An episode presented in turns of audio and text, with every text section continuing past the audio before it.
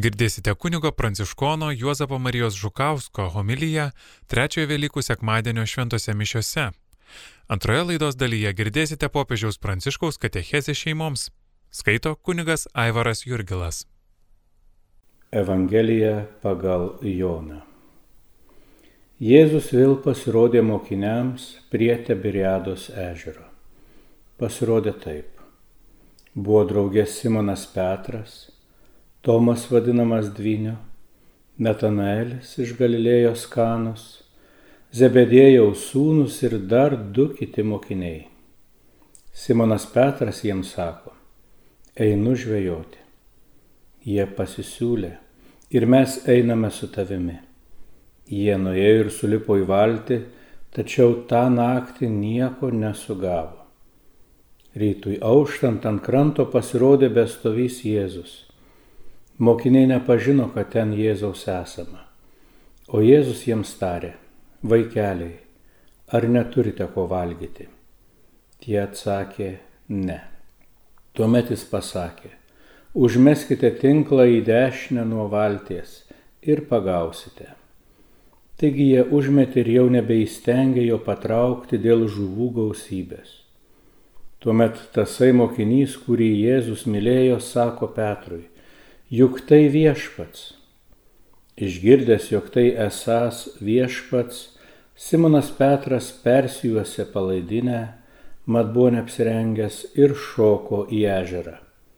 Kiti mokiniai atsijyrė valtimi, nes buvo netoli nuo kranto, maždaug už dviejų šimtų mastų ir atsitempė tinklą su žuvimis. Išlipę į krantą jie pamatė žėrinčią žarijas ant jų padėta žuvi ir duonos. Jėzus tarė, atneškite ką tik pagautų žuvų. Petras įlipo į valtį ir išvilko į krantą tinklą pilną didelių žuvų, iš viso 153. Nors jų buvo tokia gausybė, tačiau tinklas nesuplyšo. Jėzus jiems tarė, eikite šiandien pusryčių ir nei vienas iš mokinių neišdrįso paklausti, kas tu esi, nes jie aiškiai matė, jog tai viešpats. Taigi Jėzus priejo, paėmė duonos ir padalijo jiems taipogi ir žuvies. Tai jau trečią kartą pasirodė mokiniams Jėzus prisikėlęs iš numirusių. Papusryčiavus Jėzus paklausė Simoną Petrą, Simonai Jono sūnau ar myli mane labiau už šituos? Tas atsakė, taip viešpatie, tu žinai, kad tave myliu. Jėzus jam tarė, ganyk mano avinėlius. Ir antrą kartą Jėzus paklausė, Simonai Jono sūnau, ar myli mane? Tas atsiliepė, taip viešpatie, tu žinai, kad tave myliu. Jėzus jam pasakė, ganyk mano velės. Jėzus paklausė dar ir trečią kartą, Simonai Jono sūnau, ar myli mane? Petras nuliūdo, kad Jėzus trečią kartą klausė, ar myli mane ir atsakė, viešpatie, tu viską žinai, tu žinai, kad tave myliu. Jėzus jam tarė, ganyk mano avis. Iš tiesų, iš tiesų sakau tau, kai buvo jaunas, pats susijuosdavai ir vaikščiai, kur norėjai o pasenęs tu ištiesi rankas, kitas tave perjuos ir ves kur nenori. Jis tai pasakė, nurodydamas, kokia mirtimi Petras pašlovinsęs Dievą. Tai pasakęs dar pridūrė, sek paskui mane. Girdėjote viešpatie žodį. Štai jau trečiasis sekmadienis, kuomet vis dar švenčiame tą naujieną, naujieną, kuri net ir Jėzaus artimiausiems mokiniams, apaštalams buvo labai netikėta ir ganėtinai sunkiai priemama. Taip buvo liudijimai apie Jėzų prisikėlusi, buvo netgi tų, kurie buvo jį sutikę ir matę, tačiau nežiūrint viso to, apaštalai mano, kad štai jų misija kaip ir užsibaigė. Petras pasidairęs į kairę į dešinę, nežinodamas, ką toliau daryti, sako, grįšiu prie seno amato. einu žvejoti. Kiti mokiniai irgi sako, na ir mes su tavimi, nu ką dabar vis tiek.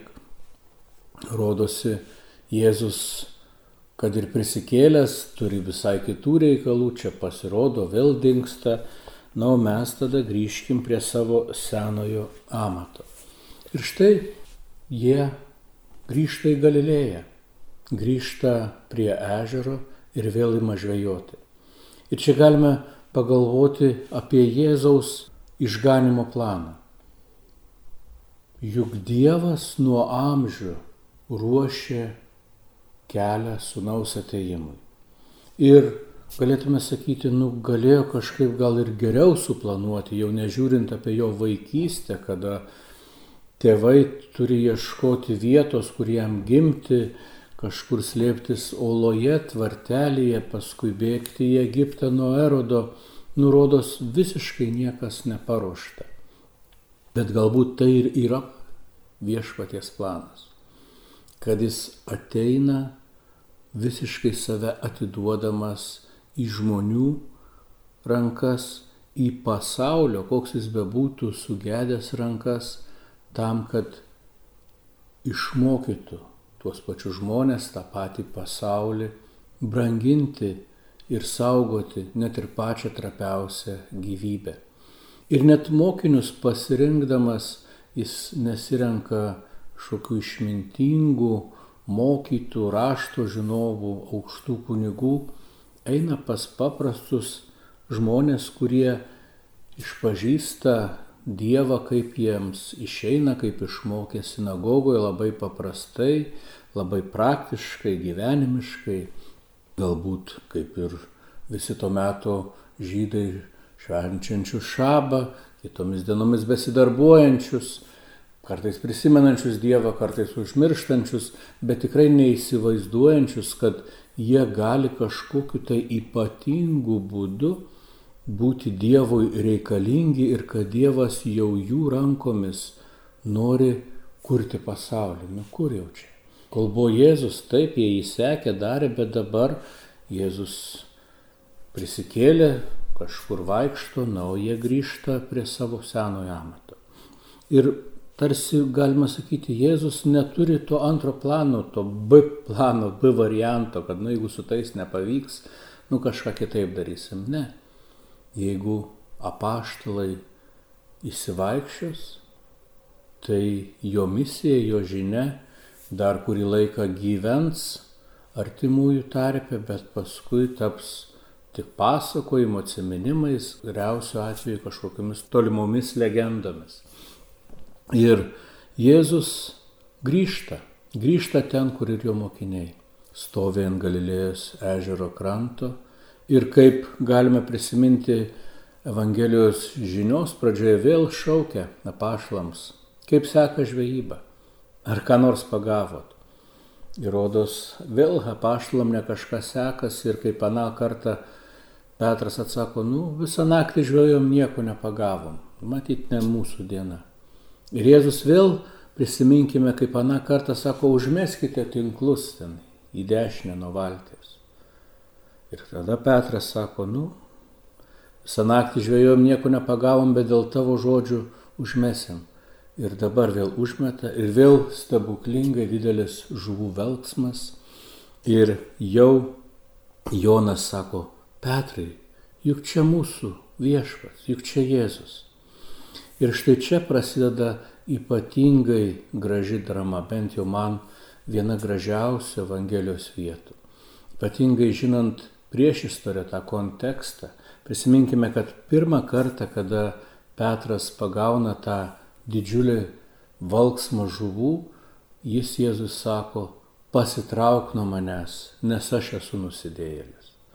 Bet Jėzus ramina, viskas gerai, Petrai, nebijok, nuo šiol jau žmonės nebe žuvis gaudėsi. Šį kartą Petras suvokė, kad yra nusidėjėlis. Jis tik ką prieš keletą dienų Jėzaus išsigynė, sakė, aš tavęs nepažįstu. Ir panašiai kaip rojaus sodė, atkreipkime dėmesį, kada Adomas ir Jėva išgirsta vaikštant Dievą po nepaklusnumo jie pasislepia nuo jo ir pasidaro rūbus, tarsi kad galėtų pasislėpti, prisidengti nuo jo. Tai čia irgi Petras netgi atrodo prieš šaukdamas į vandenį turėtum nusimesti rūbus, ne, jisai susivelka visą, ką turi ir tada, bet jis tada vis tik metasi į vandenį ir plaukia prie viešpaties. Jis jau nesako pasitrauk nuo manęs, bet išlipa visą šlapęs varvantis ir skuba prie viešpaties nes suvokia, kad be jo jis nebeturi gyvenimo. Ir viešpats nepuola jam priekaištauti, nesako štai, prisimeni juk sakiau, kad gaidžiui nepragydus tu manęs išsiginsi. Ne, sako, eikit šiandien pusryčių štai, užkurta ugnis, iškepta žuvis, jie tylomis valgo ir dar nedrįsta patikėti, kad štai šalia jų vėl viešpats. Ir štai ta įtampa auga, auga ir staiga nukrenta tas klausimas. Petrai, ar myli mane? Petras pažvelgia Jėzus, sako, nu, viešpatė, nu, žinai, kad myli. Sako, Petrai, ar tikrai myli mane? Myliu, myliu viešpatė. Ir trečią kartą Jėzus klausia, Petrai, nu ar myli mane? Ir Petras nuleidęs, sako, viešpatė, tu viską žinai. Tu juk žinai, kad tave myliu. Tu juk žinai, kad esu silpnas, paprastas žmogus, nesugebantis gerai kalbėti, umaus būdo, karšto charakterio, bet nežiūrint viso to tave myliu ir noriu sekti tavimi. Ir Jėzus sako, sek manimi, ganyk mano vėlės. Ir štai čia šiuo momentu apaštalai atsigauna. Ir galima sakyti, čia šioje akimirkoje užsimesga ta tikroji apaštalystė ir duodama tvirta pradžia bažnyčiai. Tie paprasti Jėzaus žodžiai, ar myli mane. Ir nusidėlio atsakas, viešpatė tu viską žinai, aš tave myliu. Taigi ir mes Ir mes, kurie praėjus dviem tūkstančiams metų šventėme Kristaus Velykas, neskubėkime pasinerti į kasdienius darbus, rūpeščius, bet nors trumpam staptelkime ir savęs paklauskime, o tai kuo aš galiu būti šioje bažnyčioje? Taip Dievas sukūrė pasaulį, taip jis tvarkosi, taip viskas vyksta, tarsi ir be manęs bet jis, jis trokšta.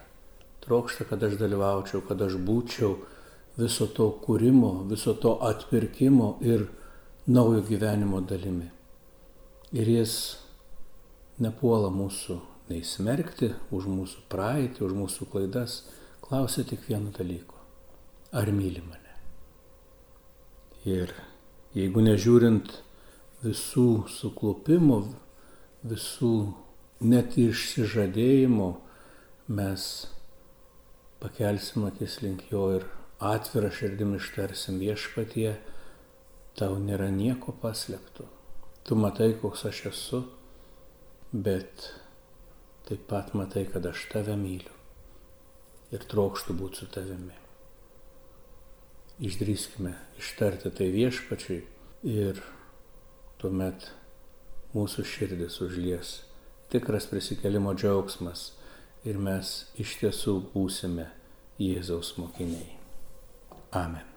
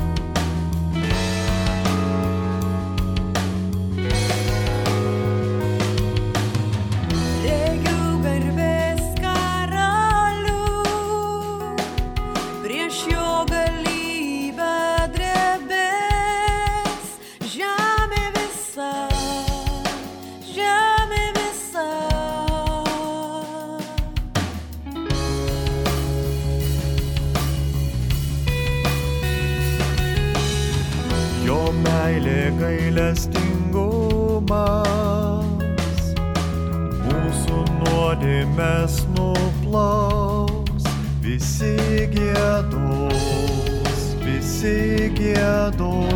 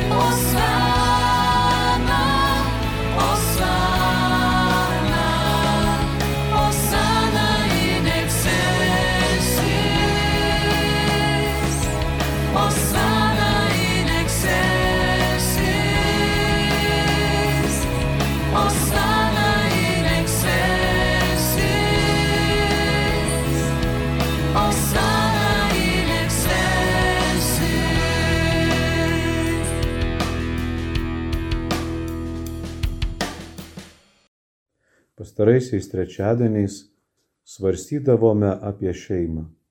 Toliau plėtojame šeimos temą. Nuo šiandien mūsų katechezėse apmastysime šeimos pažeidžiamumą tokiomis gyvenimo sąlygomis, kurios kelia jai išbandymų. Šeima susiduria su daugeliu problemų, kurios jai yra išbandymas. Vienas iš šių išbandymų - skurdas. Pagalvokime apie daugybę šeimų gyvenančių didmieščių pakraščiuose, taip pat kaimo vietovėse. Tiek daug skurdo, toks didelis nuosmukis. Kai kur prie to prisideda ir karas, dar pablogindama situaciją. Karas visuomet baisus. jis visada pirmiausia pažeidžia civilius gyventojus - šeimas. Karas iš tikrųjų yra visokio skurdo tėvas. Nuskurdina šeimą, groboniškai niokoja gyvenimus, sielas, sutrauko švenčiausius ir mylimiausius ryšius. Nepaisant viso to yra daugybė vargingų šeimų, kurios tengiasi oriai gyventi kasdienį gyvenimą, dažnai atvira širdimi patikėdamos save Dievo palaiminimams. Tačiau ši pamoka neturėtų pateisinti mūsų abejingumo, veikiau turėtume labiau susigėsti, kad yra tiek daug skurdo. Beveik stebuklas yra tai, jog ir skursdama šeima toliau formuoja ar net tiek, kiek įstengia, išsaugo ypatingą savo ryšių žmogiškumą. Šis faktas trikdo tuos gerovės planuotojus, kurie jausmus, vaisingumą ir šeimininius ryšius laiko šalutiniais dalykais gyvenimo kokybės atžvilgių. Jie nieko nesupranta. Priešingai turėtume suklupti prieš šias šeimas. Jos yra tikra žmogiškumo mokykla, saugant visuomenės nuo barbarybės. Kas mums beliks, jei pasiduosime ciesoriaus ir mamonos smurto ir pinigų spaudimui, atsižadėsime net šeimininės meilės ryšių. Nauja pilietinė etika rasis tik tuo met, kai atsakingiai už viešąjį gyvenimą reorganizuos socialinius ryšius, pradėdami nuo kovos su įdingu uždaru ratu tarp šeimos ir skurdo, kuris mus veda į prarąją. Šiandienos ekonomika dažnai sutelkta į mėgavimąsi individualią gerovę, tačiau dideliu mastu eksploatuoja šeimininius ryšius. Tai rimtas prieštaravimas. Didžiulis šeimos darbas, žinoma, neįtraukiamas į finansų biudžetus, ekonomika ir politika nelinkusi to pripažinti.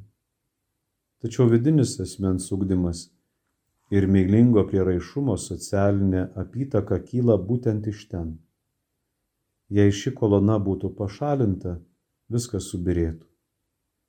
Tai nėra tik duonos klausimas. Kalbama apie darbą, išsilavinimą, sveikatos apsaugą. Svarbu, kad visą tai aiškiai suprastume. Mes visada labai jaudinamės matydami sergančius ir išbadėjusius vaikus daugelyje pasaulio šalių.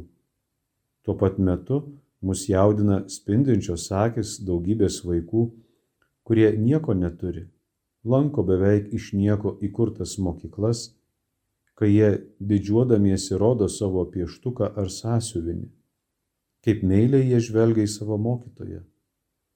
Vaikai iš tikro žino, kad žmogus gyvas ne vien duona taip pat yra ir su šeimos meile. Skurde vaikai kenčia, nes jie nori meilės ir šeimininių ryšių.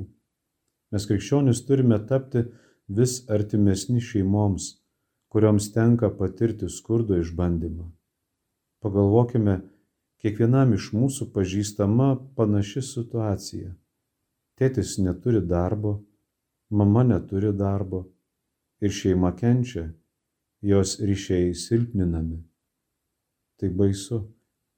Iš tikrųjų, socialinis skurdas smogia šeimai ir dažnai ją sugriauna.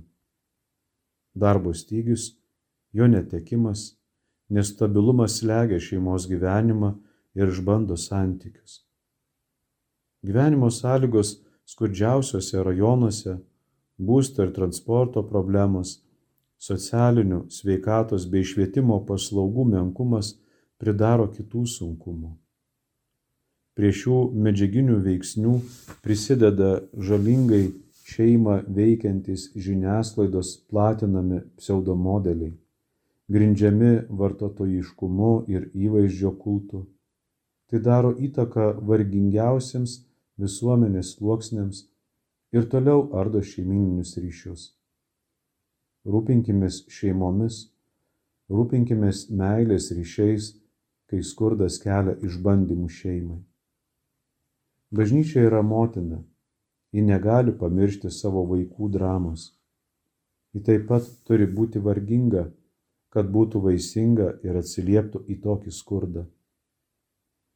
Varginga bažnyčia yra tokia, kuri savo norų praktikuoja gyvenimo paprastumą, savo institucijomis, savo narių gyvenimo stiliumi, kad sugriautų kiekvieną sieną, ypač atskiriančią nuo vargšų. Čia reikia maldos ir veikimo. Intensyviai melskimės, kad viešpats mus pažadintų, kad mūsų krikščioniškos šeimos inicijuotų šeimininio artumo revoliuciją, kurios mums šiandien labai reikia. Šiuo šeimininiu artumu bažnyčia gyvavo nuo pat pradžių. Pamirškime stokojančiųjų, mažųjų ir vargšų teismas yra Dievo teismo provaizdis. Mato Evangelijos 25 skyrius nuo 31 iki 46 eilutės. Nepamirškime to ir darykime viską, ką galime, kad padėtume šeimoms eiti pirmin per skurdo ir vargo išbandymus, paveikiančius meilės ir šeimos ryšius. Norėčiau dar kartą perskaityti Biblijos tekstą, kurį girdėjome pradžioje, o kiekvienas iš mūsų tegul pagalvoja apie skurdu ir vargu bandomas šeimas. Biblijoje rašoma, mano vaikė, neatsakyk vargšui išteklių pragyventi, neversk beturčio akių veltui laukti, nenuvilk alkono žmogaus, neužgauk nelaimės užklupto žmogaus, nedidink bevilčio žmogaus vargo, nedelsduoti išmaldos suvargusiam, net mes kelgėtos prašymo, nenugręžk žvilgsnių nuo vargšo, nenukreipk akių nuo žmogaus skurde, neduok niekam progos tave keikti. Siracido knygos ketvirtas skyrius nuo pirmos iki penktos eilutės. Nes tą patį padarys viešpats, taip sakoma Evangelijoje, jei mes nedarysime šių dalykų. Pirmoje laidos dalyje girdėjote kunigo pranciškono Juozapo Marijos Žukausko homiliją trečiojo Velykų sekmadienio šventose mišiose. Antroje dalyje girdėjote popiežiaus pranciškaus katechezę šeimoms. Skaitė kunigas Aivaras Jurgilas.